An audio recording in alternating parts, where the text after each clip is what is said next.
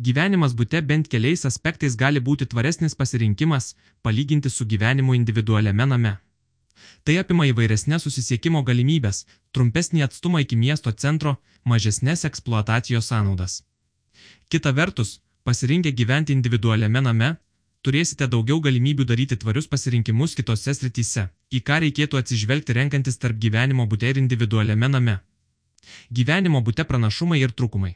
Pirmiausia, daugiabučiai efektyviau išnaudoja žemės plotą, nes santykinai nedidelėme sklype daugia aukščiame pastate gali įsikurti bent keliolika ar keliasdešimt šeimų.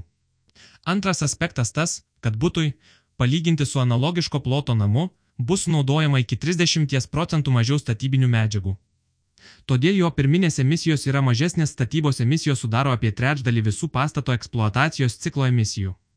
Miestuose dažniausiai suformuojami ištisi daugiabučių kvartalai, o didesnis gyventojų tankis lemia mažesnės jiems reikalingos infrastruktūros sukūrimo ir išlaikymo sąnaudas. Todėl rajonai, kuriuose yra bent keli ar keliolika daugiabučių, dažnai turės santykinai gerai išvystytą infrastruktūrą. Vadinasi, galėsite naudotis geriau išvystytomis paslaugomis šalia gyvenamosios vietos ir taip kasdien taupysite laiką kelionėms. Gyvenant daugiabutyje, namo ir jo aplinkos priežiūra yra paprastesnė bei dažniausiai kainuoja pigiau, jie rūpinasi daugiabutį namą administruojanti bendrovė. Daugelį namo sistemų taip pat prižiūri namo administratorius, todėl patiems gyventojams nereikia galvoti apie jų taisymą ar atnaujinimą. Daugiabučių gyventojai įstatymui pareigoti kaupti po truputį lėšas namo renovacijai, Tai padės paprasčiau įgyvendinti namų atnaujinimą ateityje. Be to, didesnėje dalį gyvenamojo fondo Lietuvoje sudaro būtai, kas reiškia, kad jų pasirinkimas rinkoje dažniausiai yra didesnis. Pagrindiniai būto privalumai yra didesnis tokio tipo būsto pasirinkimas, didesnis likvidumas ir santykinai geresnis įperkamumas, palyginti su individualiais namais, apibendrina turto vertintojas ir įmonės Marleksa. Vadovas Marius Kondratas Jei patogiam gyvenimui užtenka iki 60 km2 dydžio būsto, daugeliu atžvilgių būto įsigijimas bus racionalesnis sprendimas už individualų namą. Vis dėlto jei gyvenamojo ploto poreikis didesnis, siekiama didesnio privatumo ar daugiau erdvės, pageidaujama itin individualizuotų sprendimų, tada greičiausiai teks galvoti apie namą. Individualus namas ir pagrindinės klaidos. Gyvenimas name pirmiausia reiškia erdvesnio būsto pranašumą. Kaip rodo Svetbank duomenys, Šalies gyventojai, pasinaudodami banko finansavimu, įsigyja vidutiniškai apie 149 kvadratinius metrus ploto namus. Tai apie 2,5 karto didesnis ploto būstas, palyginti su tais atvejais, kai įsigyjamas būtas vyrauja 50-59 kvadratiniai metrai ploto būtai. Be to, su namu įgyjamas ne tik pats pastatas, bet ir sklypas.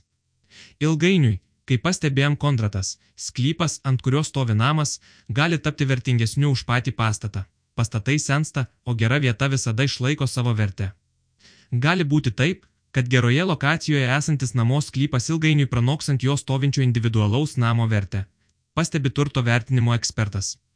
Be vertės aspekto, gyvenimas individualiame name gali būti patogesnis, nes užtikrina daugiau privatumo, daugiau erdvės viduje ir išorėje, suteikia galimybę pagal savo poreikius pritaikyti įvairius sprendimus, pavyzdžiui, Įsirengti šiltnamį, šuns voljerą ar vaikams skirtą batutą. Nors individualaus namo statybos gali lemti didesnės pirminės emisijas, pasirinkus pažangius techninius sprendimus. Jo eksploatacijos sąnaudas galima sumažinti iki minimumo ar paversti jį papildomų energijos generavimo šaltiniu. Pavyzdžiui, antinkama kryptimi pasukto namo stogo galima įrengti didesnės galios saulės elektrinę, kurios užteks ne tik namo poreikiams, bet ir elektromobilių įkrauti ar kitiems savininkui priklausantiems NT objektams aprūpinti elektrą, tačiau renkantis individualų namą lengviau padaryti esminių klaidų, dėl kurių sumažėtų jo likvidumas. Viena iš tokių klaidų yra prastos sklypo pasirinkimas. Kaip pastebėjom Kondratas, mažo ploto sklypai buvusiuose sodų bendrijose ar sklypai su prastai išvystyta infrastruktūra gali sumažinti paties namo vertę. Nelikvidus sklypas dažnai apriboja galimybės gauti reikiamo dydžio banko finansavimą. Yra nesėkmingų pavyzdžių iš buvusių sodų bendryjų, kuriuose trūksta infrastruktūros, vyrauja siauri, neasfaltuoti keliai. O į 5-6 arų dydžio sklypą įspraudžiama 150 km2 dydžio namas. Be to, šalia numačius kelias vietas automobiliams parkuoti, laisvos erdvės lieka nedaug. Tokiu atveju į NT objektą santykinai investuojama daug, o iš jo gaunama vertė nedidelė. Pastebėjom Kondratas.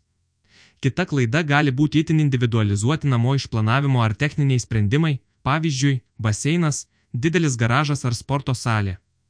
Tokių dalykų įrengimas gali kainuoti nemažai pinigų ir kitų sąnaudų, bet gali smarkiai sumažinti potencialių pirkėjų ratą ir sėkmingą tokio antiobjekto pardavimą ateityje.